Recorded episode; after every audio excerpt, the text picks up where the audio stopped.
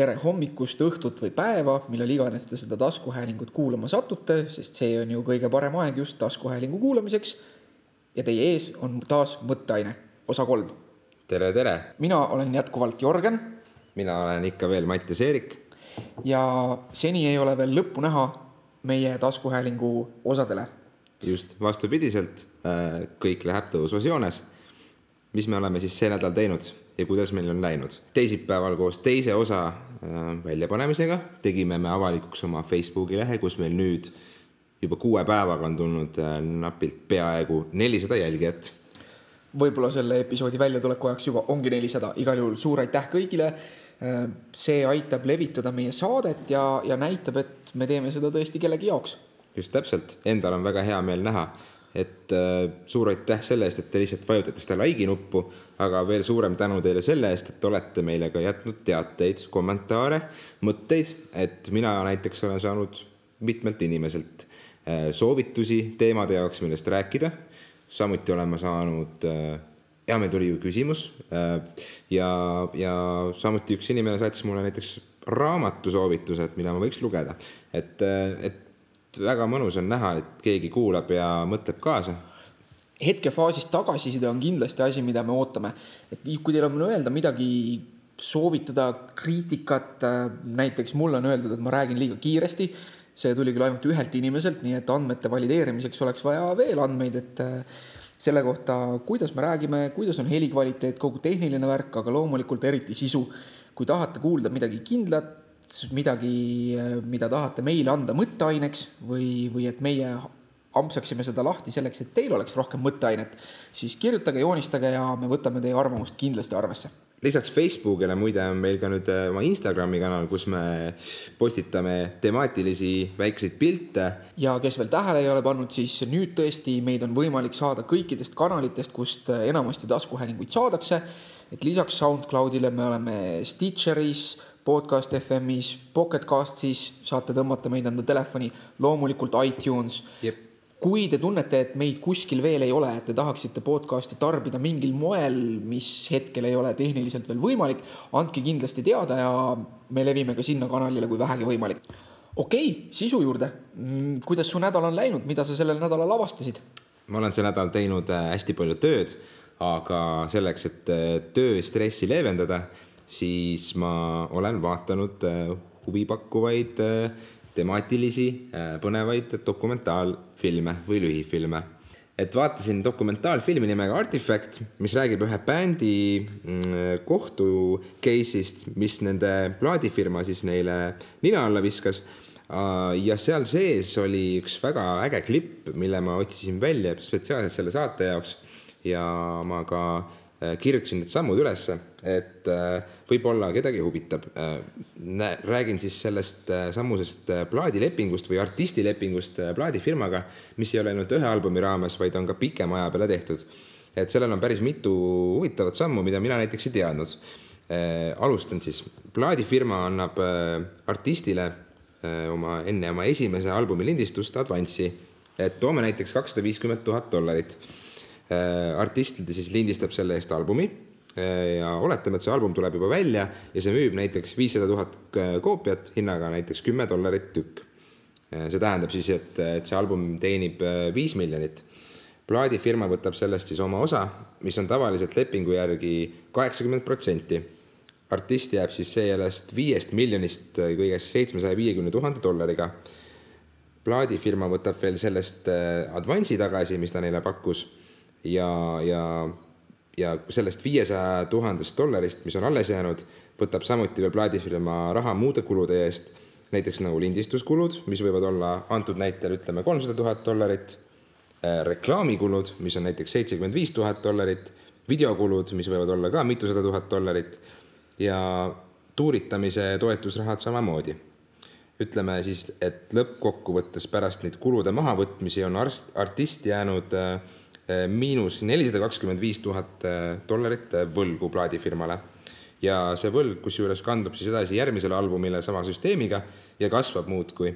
ja seepärast ongi päris kindel öelda, et mainstream artistid tänapäeval enam väga palju muusika tegemisega raha ei teeni. keegi ju albumeid ei osta aga see tundub nagu räige koorimisena, et miks üldse peaks nagu, eriti tänapäeval, miks artistid peaks kasutama plaadifirmade teenuseid, kui, kui see niiviisi on, et igaüks võib ju tänapäeval ennast kuskil stuudios lindistada ja ja, ja panna enda video Youtube'i üles ja võib-olla saab miljoneid vaatamisi ja kõik raha jääb endale.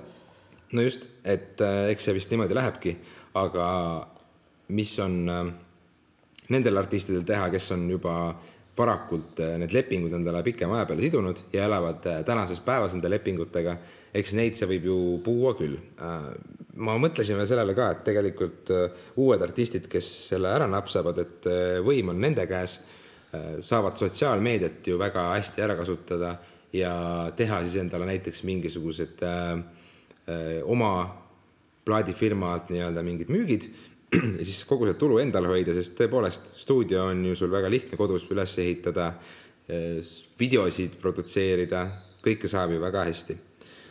ja muidugi, mis on äge, ma märgin veel välja, et selles lepingus, millest ma siin nagu rääkisin, see long form contract just, et äh, pikaaegne leping siis, et seal on veel peidus igasuguseid ägedaid eh, konksusid, mis nagu hoiavad veel Äh, artistid muude tasude osas ka konksu otsas, et et sellised royalty maksud näiteks plastikkarpidele ja kujunduse trükkimise eest on, on iga sellise vanaema artisti teada-tuntud häda, et, et nad peavad ka selliste asjade eest tasuma.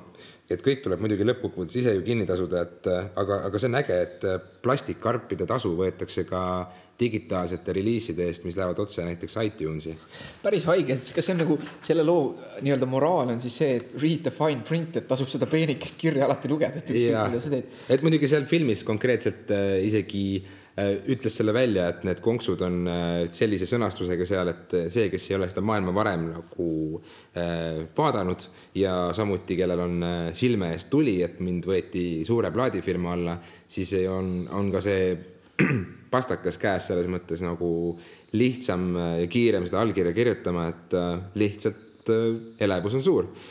ja, ja, ja noh, seal, seal sinna sisse lähevad veel igasugused muud kindlustused, et kui saadetakse neid pakendeid laiali, siis artistid maksavad selle eest veel tasu ja see liigub samamoodi vinüülpakenditest kuni jälle digireliisideni, et äh, et see on põnev maailm minu jaoks kui suurem muusikahuvilise entusiasti, aga ma arvan ka paljude inimeste, kes tarbivad äh, muusikat või meediat et äh, ma olen üsna veendunud ka, et see filmitööstus praegusel ajal kannatab äh, igasuguste raskuste käes ja eks meil kõigil ole ju palju mugavam seda digiväljalased äh, tarbida, et endal ka kodus vähem kapi peal mingit DVD ja CD-plaadi karpe. ja et seda asja tagasi ilmselt ei pööra, et et digiajastu on oma töö teinud ja kui, kui tõesti, kui ma olen, ma olen alati mõelnud selle peale, et noh, ma olen olnud teadlik sellest, et digiajastu nüüd tõmbab nagu plaadifirmad äh, tõsistesse raskustesse, aga ma ei teadnud seda, et nende ärimudelid nagu nii röövellikud olid, et, äh, et tõesti nagu võeti artistilt kõik seitse nahka, aga, aga nüüd, kui sa sellest räägid, siis, äh, siis tõesti pole midagi imestada. millega film lõppes? film lõppes äh, selle bändi. Spoiler, obviously. jah äh,, nad võitsid selle et äh, see oli pikk võitlus neil ja, ja tundub, et äh, ma väga-väga soovitan, ma paneks selle filmi info ka meie saate alla, et, et vaadake, kui on huvi ja, ja see on lihtsalt äge sissevaade sellesse, mis, mis üks äh, väike grupp inimesi, kes tahab lihtsalt loomingut teha, see bürokraatia ja kõik see paberimajandus, et nad õpivad ise ka neid seadusi seal tundma ja käivad kogu aeg erinevate advokaatidega nõu pidamas, et aru saada selles süsteemis ja, ja see on äh, õnneks nende kasuks äh, lõppeva, äh, lõppeva noodiga lugu. et, et see on äge, aga see on päris hirmutav ka, et, et igal juhul praegusel ajal see DIY movement nii-öelda ilmselt on palju väljakutsuvam kui kui klassikaline mudel. jaa, aga samas teisest küljest on ju see, et räägitakse jällegi, et sellised kanalid nagu Spotify ja need ei maksa artistile peaaegu mitte mingisuguseid äh, siukseid tulusid ja, ja see on, see on põnev teema, et kui teid ka muusika ja muusika tegemine rohkem huvitab, et siis äh, andke meile jälle teada ja, ja me võtame selle võib-olla mõnikord hoopis suureks teemaks. et, et kuidas see asi üldse käib, kas sinu bändil ei pidanud mitte plaat välja tulema? tuleb varsti jah, et äh, me oleme praegu küll äh, veel, sellest ma võin ka paari sõnaga rääkida, et mis minu mõte enda bändiga on olnud. palju te siis plaadifirmale võlgu juba olete? just, just, et äh, õnneks meil on kõik ise tehtud ja kõik on enda käes. hea öelda praegu, aga, aga mis minu jaoks on, minu jaoks on vajalik ja eriline hetkel on see, et me anname lugusid ükshaaval välja, kuna ma olen tähele pannud, et, et see va-, voog iga päev, mida me Facebookis või kus iganes scroll ime, et see info, infomüra on niivõrd suur, et inimestel on pigem aega sinu kolmeminutiline laul ära kuulata, kui läbi kuulata sinu tunniajane album. ja ma leian, et ühe loo aval videodega koos muusikat välja panna on palju põnevam ja mõnusam endal ka, kuivõrd see, et vaadata oma albumi kuulamise statistikat ja vaadata, et kolm inimest viitsisid nelja esimest lugu kuulata. et noh, nii ta on äh,. igatahes jah, minu bändi album tuleb veel kaks tuhat seitseteist välja. okei okay,, äge, kuulame. Aga nii palju muusikast, Jörgen, mida sina eelmine nädal õppisid? oo, ma leidsin mõnes mõttes meie suur teema, nagu eelmine kord välja sai hõigatud, on täna ka, me jätkame sõltuvustega. aga üldse mitte nagu selle teema kohta otsides ma pooljuhuslikult nägin seda, et Islandil väidetavalt väga paljude eestlaste ka ideaalmaa, eks ju, et pisike riik ja samas sihuke rahvusriik ja aga nagu mitu korda öeldud, et jätame poliitika kõrvale. Et Island on suutnud väga edukalt vähendada teismeliste noorte ja teismeliste siis äh, Mm, igasugust ainete kuritarvitamist. Äh, seda siis nii nagu alkoholi ja tubaka tarvitamise hulgas kui ka äh, kanepi ja muude narkootikumide osas. ja kuidas nad on seda teinud, on see, et neil on väga selline selge struktureeritud programm sellele, et kuidas toetada ja kuidas suunata noori huviharidusse. Et riik panustab seal väga suurt raha selleks, et oleks olemas noortel kõik võimalused selleks, et tegeleda spordiga Äh, teha siis igasuguseid näite, muusika ja kunstiringe. ja, ja nad ka rõhuvad sellele, et ka vanemad veedaksid rohkem oma lastega aega. sellest, äh, selle uudise nagu sihuke, see tuli meediasse paar päeva tagasi äh, mul oli naljakas näha ka, kui ma hakkasin süvitsi rohkem uurima, et sihuke metaavastus oli see, et meie podcast'iga seoses nägin seda juba teist korda, et kuidas sellised ägedad uudislood noh, New York Timesis ja, ja, ja Huffington Post ja muud sellised aadressid. kuidas seal need uudislood teevad nagu ringe, et ma avastasin, et seesama Islandi noorte lugu oli teinud esimese ringi peale selle aasta kevadel Äh, mis oli sama, kui me esimeses episoodis käsitlesime seda sünnijärjekorra värki mm, -hmm. siis see lugu, mis tegi ka nüüd nagu teise ringi, oli teinud esimese ringi peale kuskil äh, hilissuvel okay,. et, äh, et see käib nagu mingisuguste lainetega, et keegi ajakirjanik korjab jälle kuskilt mingi uudisnupu üles või mõtleb, et kirjutaks nagu mingist sellest ägedast asjast ja siis nagu teised ilmselt äh, refereerivad ja, ja lingivad sealt. aga tulles nüüd Islandi noorte juurde, siis äh, see on muidugi nagu selline korrelatiivne seos, eks ju, et me ei saa nagu sealt põhjuslikkust järeldada, et äh, ühiskond on mingeid asju teinud ja siis me näeme, et noorte hulgas on selgelt langevad trendid. aga nad on ise selle üle hästi uhked ja noh, selles mõttes tundub loogiline. Mm, sellega on seotud ka üks äh, Ühendriikide psühholoogiaprofessor, kelle nimi on Harvey Milkman kes on tegelenud terve elu siis sõltuvuskäitumiste uurimisega ja tal on selline põnev hüpotees selle kohta, et need inimesed, kes pigem ei tule toime enda emotsionaalse valuga, et need siis lähevad pigem nagu selliste äh, opiaatide ja, ja nagu nii-öelda vaigistavate uimastite manu nagu äh, heroiin või äh,, või teised opiaadid mm,, rahustid potentsiaalselt. Ja, ja need, kes siis on rohkem sellised pealehakkajamad ja üldiselt äh, valmis enda probleemidega nagu äh, nendele kallale asuma, et need on siis nagu suurema riski all stimulantide kuritarvitamiseks nagu amfetamiin või kokaiin või äh,, või muud sarnased aga jah, et, et islandilised, neil on, neil on selline programm, nad levitavad seda ka teistesse riikidesse, ma ei tea, et Eesti oleks selle programmiga veel ühinenud. see toimub kohaliku omavalitsuse tasandil, et nad ei tee koostööd mitte riigiga tervikuna, vaid, vaid konkreetse kohaliku omavalitsusega analüüsitakse seda, et kas on motivatsiooni siis omavalitsusel ähm, suurendada panustamist huviharidusse ja, ja proovitakse siis nii-öelda tagada, et nendel noortel ei oleks, ei oleks vaja selliseid nii-öelda keemilisi meelelahutusviise vaid, vaid et nende aeg oleks sisustatud ja et nad saaks kogeda nii-öelda loomulikku kaifi ja põnevust just sellest, mis äh, neile huvi pakub, äh, koos siis selle kuuluvustundega, mis äh, tekib põnevate asjade tegemisest koos oma sõprade ja seltsilistega. väga põnev, paneb mõtlema.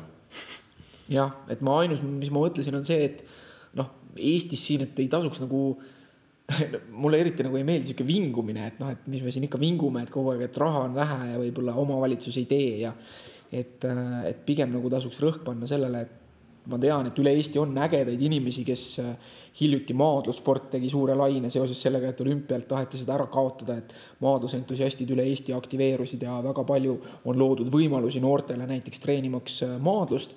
ideaal oleks muidugi see, et see valik oleks võimalikult lai, et noored saaks tõesti valida neid asju, mis tunduvad neile lahedad ja ja et neid võimalusi oleks ja, ja natuke siis võib-olla vanematepoolset nii-öelda suunamist ka ja koolipoolset et äh, nad ei jääks peale, peale kooli siis äh, hängima kaubanduskeskustesse, vaid, äh, vaid et neil oleks midagi ägedat teha.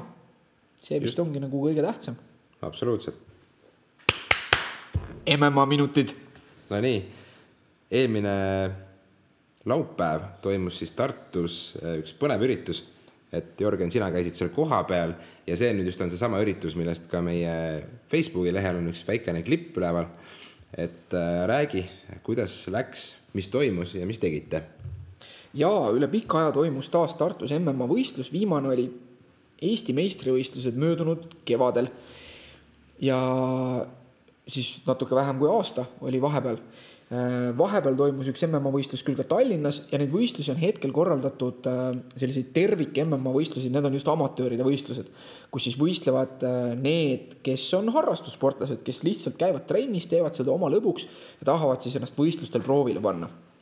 Et profimatši on Eestis samuti näha saanud, sügisel oli sellisel traditsiooniliselt nagu K1 ja Tai-boksi üritusel Äh, Explosion, seal oli kaks MMA matši, et Tartu võitlejad Alar Hutrov ja Sten Saaremäe tegid oma edukad debüüdid ja neid saab kindlasti näha Explosionil edaspidi ka.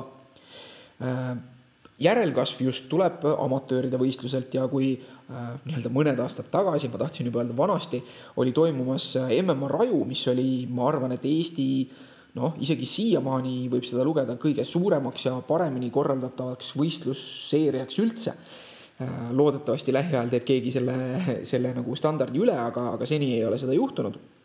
et Raju korraldas oma äh, võistluste eel, äh, eelneval päeval, et võistlus toimus õhtul, päeval korraldati võistluseid amatööridele ja see oli väga popp, inimesed tahtsid seal võistelda, sai võistelda selles samas võitluspuuris, kus hiljem toimusid profimatšid.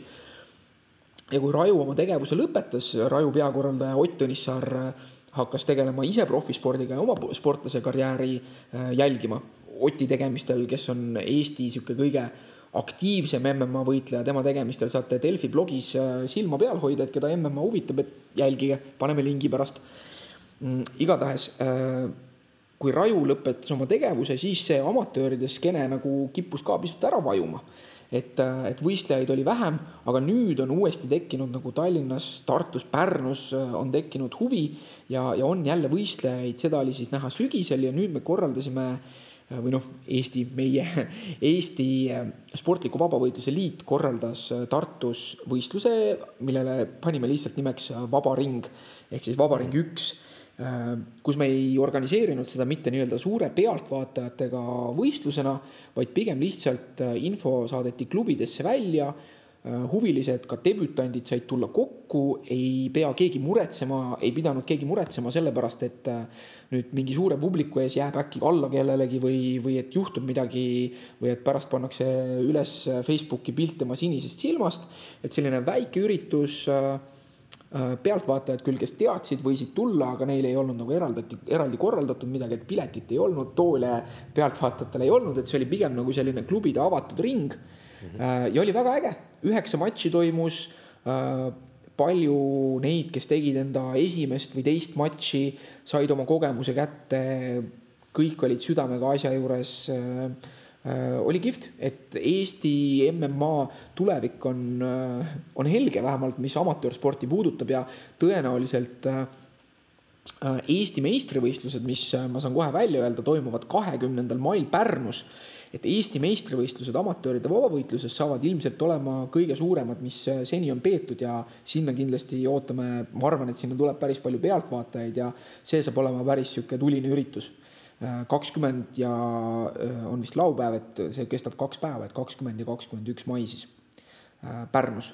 Äh, täpset spordihalli veel ei tea, aga, aga küll tuleb see info ka. just, ja kui see info tuleb, siis me ütleme ka selle siin kindlasti aegsasti juba ette. ja lootust on, et Vabariik kaks toimub Tartus märtsikuus, et juba? et siis, sest, sest just praegu on nagu puudust inimestel sellest, et nad saaks nii-öelda harjutada võistlemist ja mm., ja aga samas see tehniline tase, mida oli näha, ei olnud üldse halb ja, ja, ja kõik tõesti olid nagu võitlustahtega asja juures, et ma olin positiivselt üllatunud. ja samas korralduse me tegime ikkagi äh, korraldus oli selles suhtes tasemel, et seal oli ikkagi korralik meditsiinibrigaad igaks juhuks, kui kellelgi midagi mm -hmm. võis juhtuda, et äh, ma ei tea, et kellelgi oleks olnud väga mingisuguseid vigastusi, et alati MM-as on see vigastushirm, küll üks minu klubi äh, Vapper juunior õnnetu löögiga murdis enda ühe kämblaluu, aga noh, see on selles spordis aeg-ajalt paratamatu, et mm., et nagu kuskil mäesuusatamises või lumelauasõidus, et või, või jalgpallis või korvpallis, et ikka, kui kellegagi kokku põrgata, siis, siis äh, midagi võib valusaks jääda. no muidugi, muidugi. et kohal oli tasemel meditsiinibrigaad, äh, kohtunikud olid needsamad, kes on koolitatud Eesti Sportliku Vabavõitluse Liidu kohtunikud, et et selles suhtes pakume just, just nagu teeme nii-öelda võistlejate keskset võistlust vahelduseks väga põnev, väga põnev. kuule, ma korra küsin niisuguse asja ka vahele, et sa oskad kindlasti öelda, kas äh, võimlas nüüd hiljuti välja hõigatud MMA kursus, et kas sinna saab veel jätkuvalt äh, registreerida end? sinna saab veel jätkuvalt registreerida, kuigi see täitub päris kiiresti, et kõigi hmm. eelduste kohaselt äh, see kursus algab seitsmendal, see algab seitsmendal veebruaril väga tõenäoliselt saavad kohad täis, me võtame sinna kolmkümmend kaks inimest, äh, kohad tõenäoliselt saavad täis enne seda, kui esimene treening toimub. nii et äh, kui kellelgi on huvi, siis tasub kindlasti enne registreerida, mitte oodata esimese trenni koha ilmumise, kohale ilmumise ja, ja, ja selle lootuse peale, et siis koha saab. kindel see, kindel see, aga noh, on ju hea meel näha, et inimesi, huvilisi on ja võib-olla kahe-kolme-nelja aasta pärast on juba uus ring juunioreid peal, kes ka oo oh jaa, et praegu see sport areneb nii kiiresti ja kui mõelda, et kui kellelgi on tõesti nagu spordihuvi, siis äh, need, kes alustavad nüüd äh, äh, veebruaris, neid, miks mitte, kui on Eesti meistrivõistlused kaks tuhat kaheksateist, siis, siis kes on ilusasti trennis käinud, siis nemad võivad juba välja minna küll. Vau, nii kiiresti ma ei oleks osanud arvata. jah, aga nii palju siis Eesti MM-ast, et nädalavahetusel ka maailma MM-as natukene midagi toimus, aga ütleme siis nii, et äh, kahtlase väärtusega veteranide võistlusi me siin äh, üksiti lahtipulgi äh, laua peale ei too. jah, et kes teab, see teab ja kes vaatas, see vaatas, aga las ta jääb. just. tänase suure teemana me jätkame seda, mis eelmisest korrast pooleli jäi. räägime jälle sõltuvustest, sõltuvusest, mis asi see üldse on, kuidas see töötab ja nagu eelmine kord lubatud, siis täna me räägime hästi palju sellisest asjast nagu Rat Park äh, või, või Rotipark, mis minu meelest on asi, millest äh, iga inimene, keda natukenegi huvitab psühholoogia, sõltuvused, kogu selline värk võiks natukene teada, sest see pakub päris põnevat mõtteainet. sina enne eelmist korda ei teadnud, mis on Rat Park? ei teadnud, aga tegin äh, põgusalt kodutööd vaatasin paar äh, lühikest tutvustavat videot ära ja lugesin mõne artikli ka kõrvale. kusjuures proovisin isegi leida mõned alternatiivid või siuksed vastuväited ja nagu alati kõigil on neid ähm,. aga teema on tõesti väga põnev, et äh, Jörgen, äkki sa äh, räägid, mis ta endast kujutab või, või äkki oskad rääkida selle taustast, et kes selle, selle teooria või selle süsteemi lõi ja, ja mis see üldse tähendab? no üldine iva on selles, et kui räägitakse ainesõltuvustest, siis pikka aega on kasutusel olnud need loommudelid, et antakse siis tavaliselt rottidele või mingitele muudele katseloomadele ähm, antakse mingeid äh, aineid, tihtipeale kasutatakse palju opiaate, heroiini või morfiini ja, ja siis vaadatakse, kuidas nad jäävad seda tarbima, ehk siis äh, satuvad nii-öelda sõltuvusse. aga äh, seitsmekümnendatel, seitsmekümnendate teistel, teises pooles üks Kanada psühholoog, kelle nimi on Bruce Alexander. Bruce K. Alexander, kui täpne olla. väike beatbox. K Alexander. Äh, tema tuli siis hüpoteesile, et tegelikult äh, see loommudelid sõltuvuse kohta ei ole olnud pädevad, sellepärast et need katsed on läbi viidud rottidega, kes on hästi ebanormaalses keskkonnas. mingisuguses kitsas puuris, üksinda ja, ja tema siis ehitas äh, rottidele toreda pargi, ühe sellise suure äh, ala või, või puuri, kui soovite, kus siis iga roti kohta oli piisavalt ruumi, kus oli hästi palju mänguasju, sest seda me rottidest teame, et rottidele meeldivad igasugused jooksurattad ja ronimisseinad ja ja, ja sellised asjad, kus saab äh, rippuda, närida, kiikuda äh, igasugustest urgudest ja tunnelitest äh, läbi pugeda, rotid on õnnelikumad, kui nad on sellises kohas, kui nad saavad neid asju teha. õnnelikumad muidugi jutumärkides, sest me ei saa rottide käest küsida, kui õnnelikud nad tegelikult on või, või mida õnn nende jaoks tähendab. aga me üldiselt näeme, et nad on äh, rahulikumad ja kaklevad omavahel vähem näiteks, kui, äh, kui nad on sellises kohas, kus neil on tegevust. ja piisavalt ruumi. Äh, nad olid seal piisavalt mitmekesi koos nii-öelda õiges hulgas, et ei tekkinud sellist liigset asustustihedust või karjasisest konkurentsi rottide jaoks, neile oli siis nii-öelda see, mis rottidele on nagu kombeks, oli piisavalt vastassoost rotte, et nad said enda seksuaalelu elada selliselt, nagu rotid tahaksid elada. ja, ja, ja selliselt nad seal puuris siis elasid ja mida äh, Alexander siis leidis ja tema esimene äh, uuring, mis muideks äh, Science'ist ja Nature'ist lükati tagasi, mis on ilmselt need kaks teadusajakirja, mida teavad ka Äh, nii-öelda mitte psühholoogia või, äh, või selle alaga otseselt kursis olevad inimesed. lõpuks ilmus see esimene uuring siis ajakirjas äh, Psychopharmacology tuhande üheksasaja seitsmekümne kaheksandal aastal ja ta avaldas siis noh, lühidalt öeldes selle tulemuse, et sellises nii-öelda rikastatud keskkonnas, inglise keeles öeldakse enriched environment, rikastatud keskkonnas, sobivas keskkonnas, seal siis rotid ei tahtnud nii väga tarbida morfiini. Äh, ja, ja see hüpotees, mis sellest äh, siis tekkis, oli see, et võib-olla ei ole sõltuvus nii-öelda ainult biokeemiline probleem, kui me räägime ainesõltuvustest, vaid võib-olla hoopis sõltuvus on eelkõige sotsiaalne probleem hmm., kui seda üle kanda inimestele. siiski millegipärast tollel hetkel ei saanud see Rat Park ja sellest tulenenud uuringud üldse millegipärast suurt tähelepanu ja mõne aasta jooksul pärast seda, seal varajastel kaheksakümnendatel äh, tõmmati selle projekti pealt rahastus ära ja, ja, ja sinna see jäi.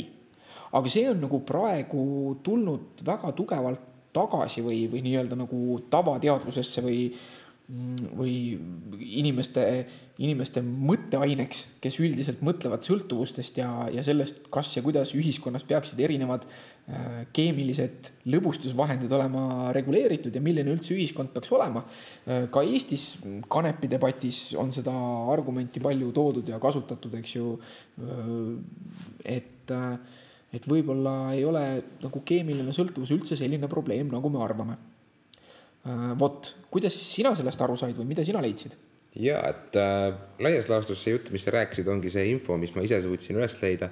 küll aga äh, mis mind tegelikult nagu pani rohkem mõtlema, oli see, et kui, kui, kui see näide, mida mina nägin, et kus, kus esialgu näitas seda rotti, kes oli üksinda seal puuris ja kui talle anti kahte sorti vedelikku, siis et, et minu jaoks võib-olla, võib-olla sa oskad psühholoogina seda paremini kommenteerida, et et miks siis rott, kes tegelikult on ka iseenesest terve, küll aga ta ei ole osa pargist, küll aga ta ei lõbutse ja ta ei ole õnnelik äh,, jutumärkides siis, et, et miks ta siis ikkagi tegelikult seda äh,, seda mürgist vett äh, kippus jooma, et, et kui see tegelikult ju ei, ei ole neile varem tuttav ja ei ole maitsev, et see, see tekitas minus selles mõttes selle küsimuse, mida ma püüdsin ka guugeldada, et äkki, äkki ma leian selgust, et, et kas seal on mingisugune mm, kalduvus siis tõesti, et see, et see vedelik maitseb neile või, või näiteks on, on seal midagi enamat, et, et tõepoolest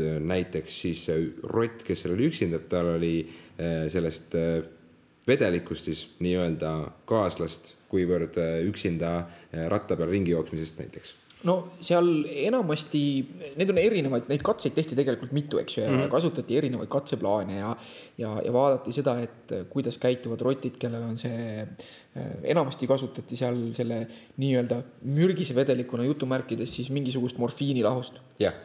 ja morfiin on ju valuvaigisti et, et see hüpotees või oletus on siis see, et, et rott, kes on seal üksinda ja kellel on igav ja paha ja, ja rotid tegelikult on väga sotsiaalsed loomad, et nad mm -hmm. ei mhm. taha olla üksinda et äh, igav ja paha ja stress, et, äh, et siis see morfiin nagu vaigistab seda nii-öelda jutumärkides hingelist valu, kui me eeldame, et midagi sellist nagu hingeelu rottidel võiks olemas olla. et see vaigistab siis seda valu ja mm., ja, ja tal on parem olla rotid iseenesest on uudishimulikud, nad tahavad proovida mingeid asju, mis on kättesaadavad ja kui see ei põhjusta otseselt mingit sellist noh, okserefleksi või midagi yeah. sellist, äh, vaid nad kogevad siis mingisugust leevendust, et, et siis nad tahavadki seda edaspidi tarbida. ja, ja mis on morfiinil selge omadus äh, opioididel üldse, on see, et äh, kui morfiini tarbida regulaarselt, siis mõne aja jooksul tekib ka nii-öelda äh, Äh, füsioloogiline sõltuvus, et ehk siis, kui äh, enam seda heroiini või morfiini või äh, fentanüüli, millest Eestis palju räägitakse, mis on ja. ka sünteetiline opioid et äh, kui seda enam ei saa, siis, äh, siis selle tarbijal hakkab väga halb ja, ja loomad õpivad väga ruttu ära selle, et kui hakkab halb ja seda halbust on võimalik ennetada läbi millegi tarbimise, selle seose nad õpivad väga ruttu ära.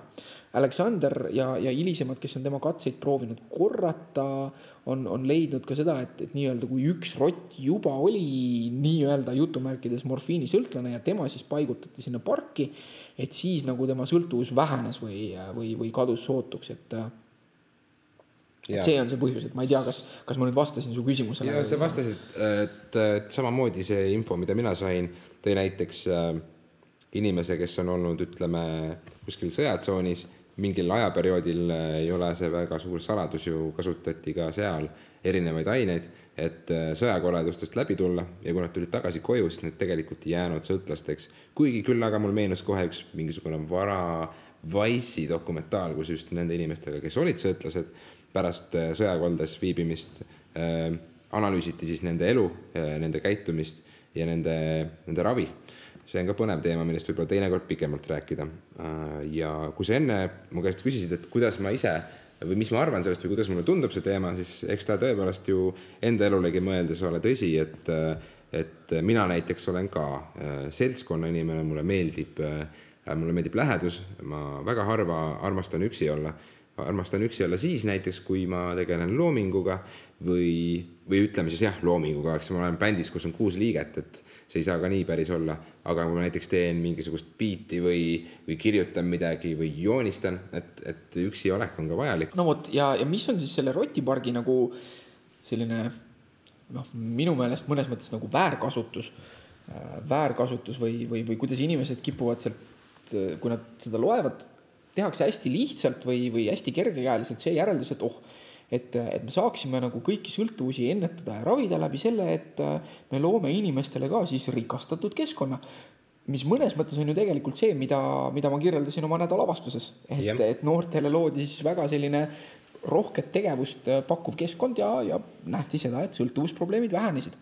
no absoluutselt, mida rohkem on sul seda igavat äh, vaba aega, mida sa ei ole tegelikult äh, sihilikult nii-öelda sisest, äh, siis täitnud, ähm, ütleme, kas sinu vanemate mõjutusel nooremas eas või sõprade mõjutusel äh, natukene vanemas eas, siis eks see tõsi ole, äh, kindlasti on hea, kui sul on huvitegevused, on see sport, on see muusika, ükskõik, mis iganes sulle huvi pakub, tunned iseennast paremini, tunned, et sa oled midagi teinud töövälisel ajal, mis on kindlasti suur faktor sellel ka sellele, et sa ärkad hommikul eh, hea energiaga üles, et isegi kui näiteks sulle ei meeldi su kontoritöö või sulle ei meeldi äh, näiteks poes töötamine, siis sa tead, et tööpäeva lõpus sind ootab see tegevus, mis toob sulle, toob sulle rahu ja, ja tekitab sinus hea tunde, annab sulle mingil määral ka sellise eesmärgi.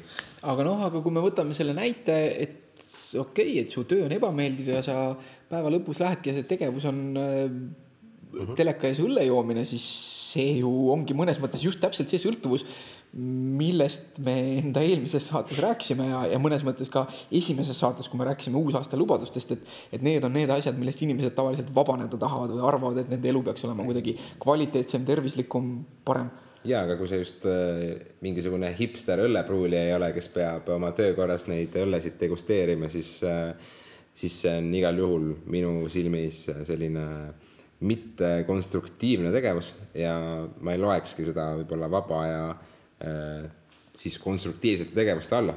et äh, kindlasti aktiivne tegevus äh,, mõtlev tegevus, noh, nagu ma ütlesin, igasugune stimuleeriv edasiviiv tegevus on ju ikkagi hea.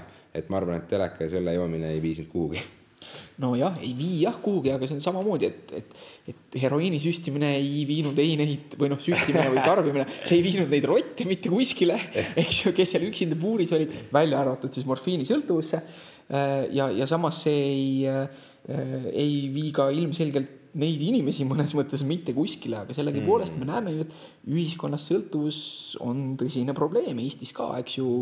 opiaadisõltuvusest, fentanüülisõltuvusest on palju viimasel ajal räägitud ja, ja, ja see on tõsine probleem, et mis siis, et, et siit ka üks minu nagu selline äh, kriitika või no mitte kriitika, mitte kriitika nüüd selle uuringu aadressil, aga noh, rotid ei ole inimesed, et seda me peame alati meeles pidama selliste uuringute puhul ja kui rottidel on asi suhteliselt selge, et rikastatud, nende jaoks meeldiv keskkond ongi see, mille Aleksander ehitas. Mm.. seal on piisavalt ruumi, seal on piisavalt vastassoost rotte, seal on, äh, eks ju, igasuguseid jooksurattaid, värke. noh, me palju siiski näeme seda, et ainult sellest, et me näiteks ehitame nii-öelda inimestele piisavalt jooksurattaid ja muid siukseid asju, sellest ei piisa. Äh, võivad olla olemas kõik välijõusaalid, palliplatsid, asjad, aga need on tihti tühjad.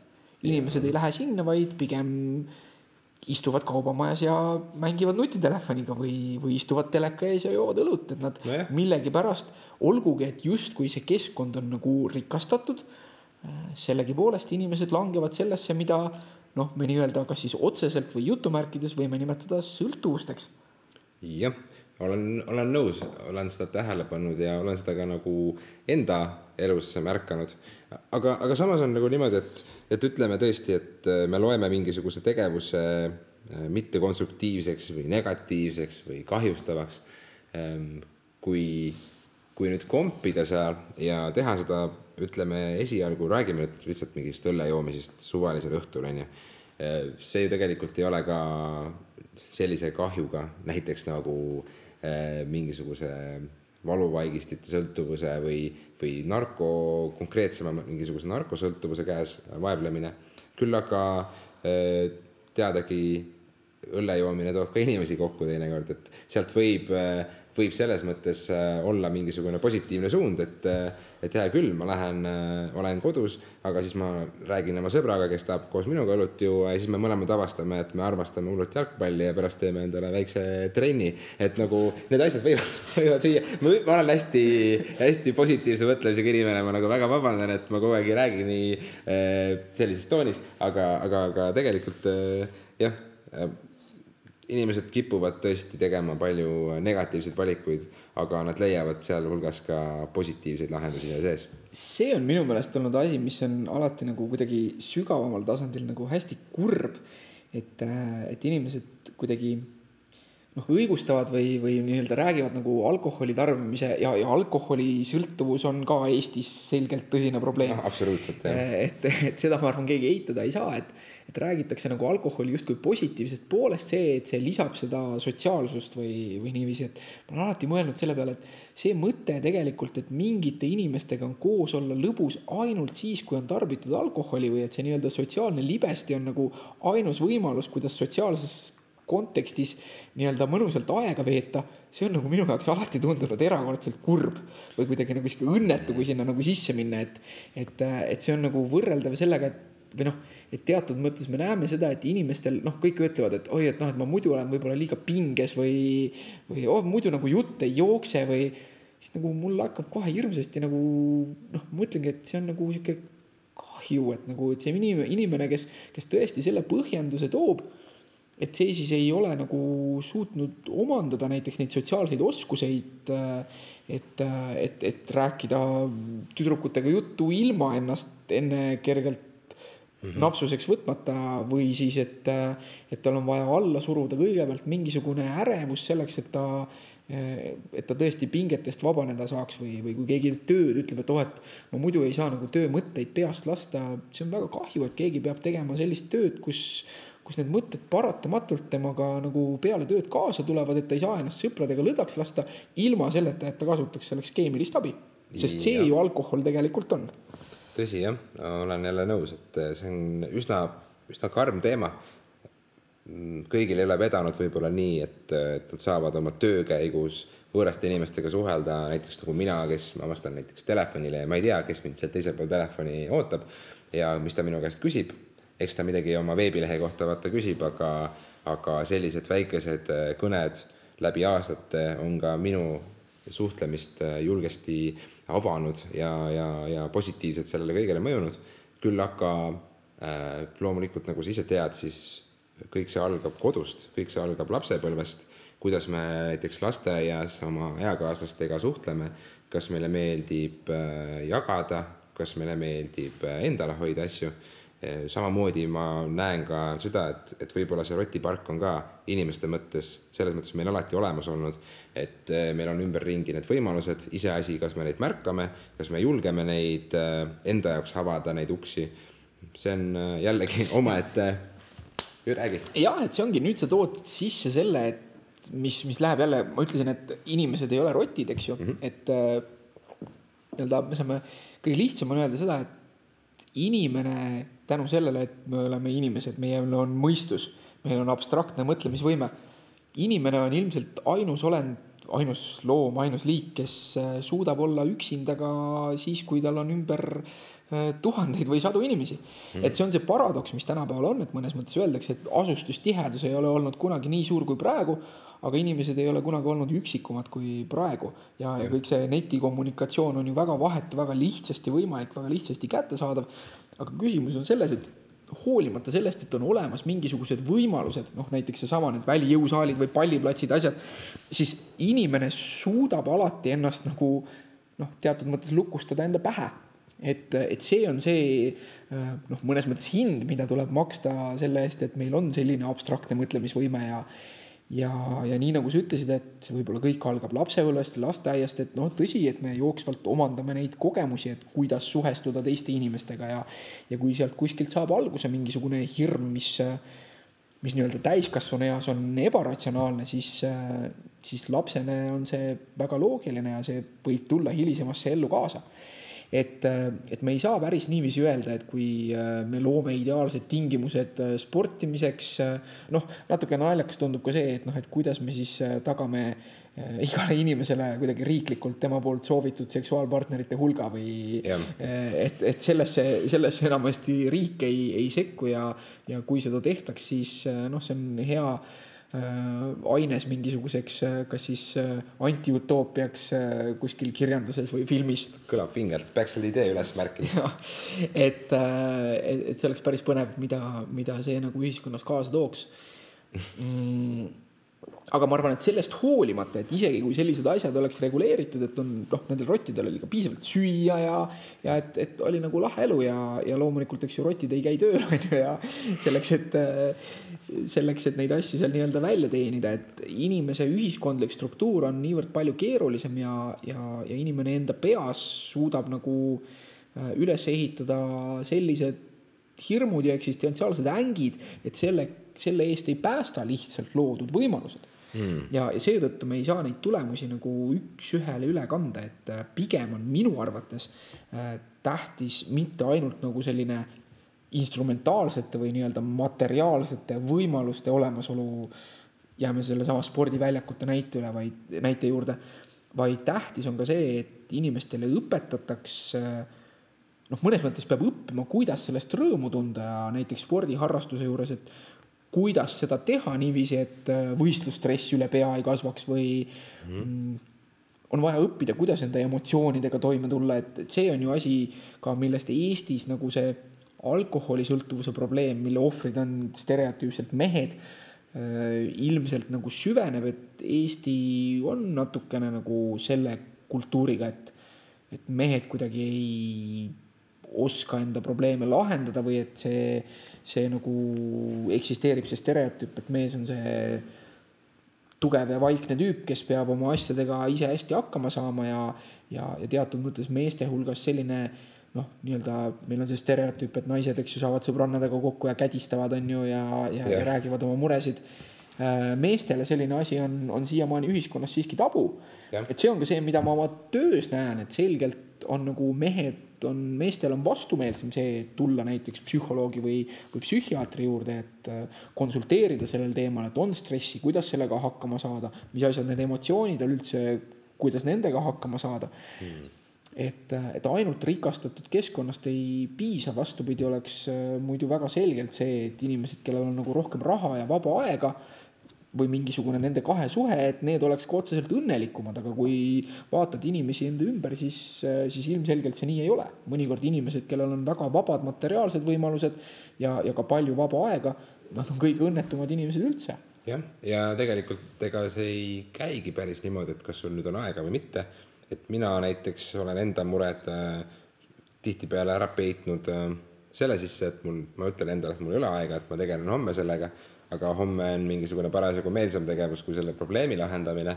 Ja see on midagi, mille, mille nimel ma olen väga palju vaeva näinud viimastel äh, aastatel, kuudel, et, et äh, saada enda jaoks kätte see niidiots, et nüüd, kui ma seda niiti kerin, siis ma jõuan äh, ühest väravast teise ja, ja mingite lahendusteni.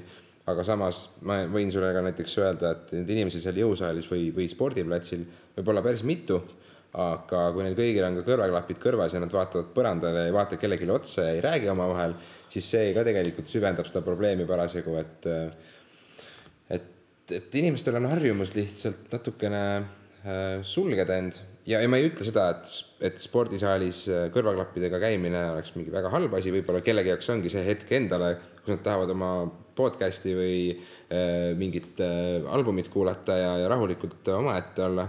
see kõik on väga hea, aga ma näen ka seda, et inimesed ei julge väga suhelda omavahel, et kui, kui me oleme võõrad, siis äh, me räägime põgusalt. Ja see on arusaadav ka, et näiteks üks õhtu ma sõitsin taksoga ja küsisin taksojuhi käest, et, äh, et kuidas siis äh, täna õhtul nii-öelda on läinud.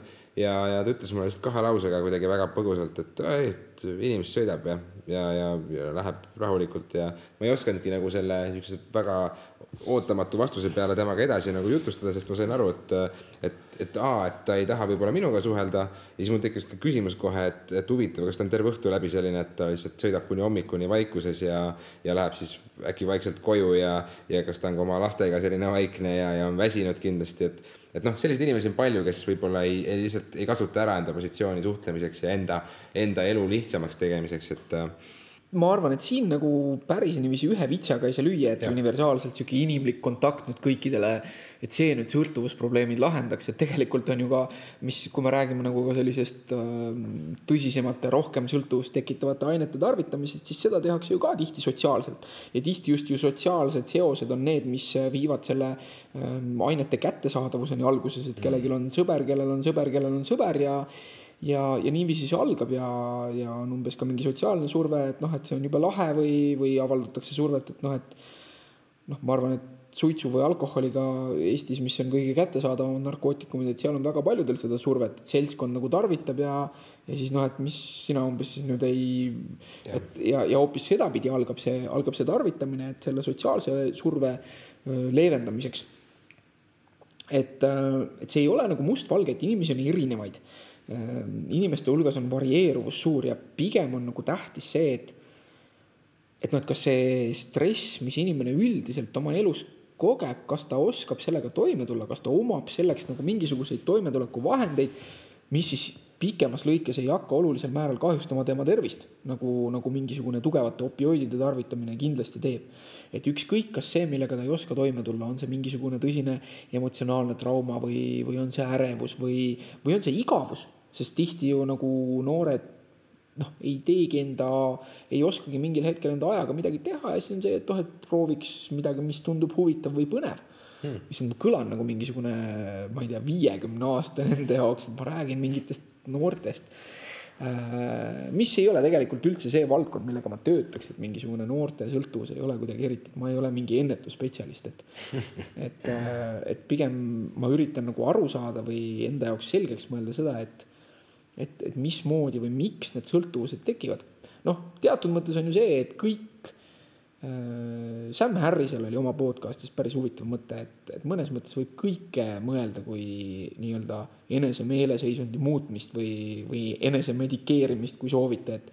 et teatud mõttes ei ole sellel vahet, et kas ma oma mingisugust näiteks päevast kogunenud viha või väsimust maandan sellega, et ma tarbin mingisugust ainet ja, ja selle eesmärgiks on äh, saada siis lõõgastumine või ma lähen siis välja jooksma. Et see tegelikult see jooksmas käimine ei ole sugugi mitte sellepärast, et, et, et nüüd otseselt saada tervemaks või tugevamaks, vaid esmalt on see ikkagi selleks, et pakkuda mulle mingit psühholoogilist lõdvestust, pakkuda mulle rahulolu sellest, et oh, et ilgelt sitt päev oli, aga vähemalt jooksmas käisin ära ja sellest tunda nagu rõõmu mm. -hmm. et, et see on täpselt samasugune meeleseisundi muutus kui mingisugune keemiline.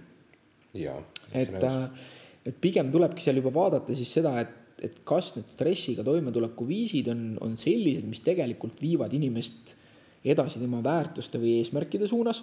jällegi asjad, mida rottidel ei ole. Äh, ja, ja kas siis need tema käitumised ei ole tervist kahjustavad sellisel määral, mis oleks oluliseks koormaks inimesele endale või, või ühiskonnale, kui me räägime ka sellistest asjadest nagu näiteks alkoholisõltuvus, et, et kindlasti on inimesi, kes tarvitavad väga palju alkoholi, on võib-olla üksikud, nad ei ole ise väga õnnetud selle üle.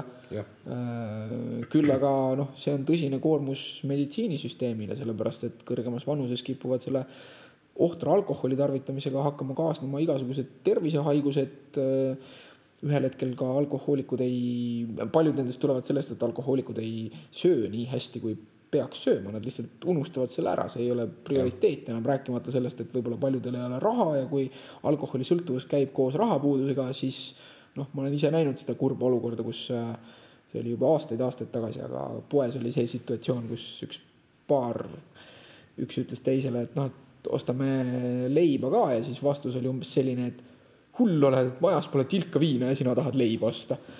Okay.. et, äh, et et sellest tulevad tõsised tervisehädad, mille eest me kõik maksumaksjatena vastutame. et, et see on selles mõttes sõltuvus ei ole ainult isiklik probleem, see on ka ühiskondlik probleem. ja, ja see küsimus nüüd, et kuidas siis seda rotiparki pakkuda inimestele, et ei oleks vajadust või ei tekiks vajadust enda nii-öelda meelt muuta mm. -hmm. mis oli sihuke tahtlik kalambuur või, või pann. Et, et see on väga keeruline küsimus sest, äh, sest see on no, asi, mis inimesi ja loomi eristab, et ükski rott ei lähe nagu äh, looduses otsima või tarbima mingisuguseid aineid, aga samas me näeme, et inimene nii-öelda enda loomulikus keskkonnas on selgelt valmis enda äh, teadvuse seisundeid muutma igasugustel viisidel, ka keemiliselt. paraku on see tõesti nii. kuule, mis sa arvad, peaksime vist selle teema nüüd lukku tõmbama või äkki on meie kuulajate seas kedagi, kes arvab, et äh, me võime sellel teemal jätkata? jah, et see sõltuvuste teema, täna rääkisime rotipargist ja miks rotid ei ole inimesed, et kui keegi tahab veel rohkem kuulda või noh, tegelikult on ju nii palju asju, aineid, äh, käitumuslikke jutumärgid, sõltuvusi, millest rääkida, et kui te tahate, et me selle teemaga kohe jätkame, siis andke teada muidu me vähemalt mõneks ajaks ilmselt teeme sellesse pausi ja võtame järgmine kord hoopis midagi uut. ja hakkamegi siis selleks korraks lõpetama. suur aitäh sulle, et sa olid meiega järjekordsel äh, mõtteainel ja. Pole tänu väärt just täpselt, et äh, ärge siis unustage meid äh, sotsiaalmeedias jälgida, ära siis unusta meie saadet oma sõbrale jagada, kes võib-olla meist ei tea, aga kes võib-olla hindaks ka seda saadet et äh, me teeme seda kõike endale ja siis teile. jah, et minul oli ka täna, äh, sellest oli äge rääkida, et see rotipargi teema on see, mille peale ma pikalt olen juba mõelnud ja tahtnud sellest kas kuskil kirjutada või ja, ja nüüd sai seda jälle natukene enda jaoks selgemaks ka mõelda. just täpselt. ühesõnaga äh, nagu kombeks öelda, likeige share'ige. Aga siin on üks asi veel. me ei taha kindlasti saada mingisuguseks äh, jagamismängude äh, taskuhäälinguks või leheküljeks. aga täna mul on üks asi välja pakkuda. Äh, nimelt kõikidele nendele, kes jagavad meie kolmandat ehk siis seda episoodi oma ajajoonel Facebookis ja ühtlasi äh, like ivad siis mõtteaine lehte. kõigi teie jagajate vahel loosin ma välja ühe Steam'i koodi PC mängule nimega Deadbolt see on üks päris vahva mäng, mida ma ka möödunud aastal arvustasin ajakirjast Digi. järgmise nädala saates loosime välja ja võitjale siis saadame selle äh, koodi, et ta saaks selle mängu täitsa niisama. asi purgis. asi purgis, nukid, nukid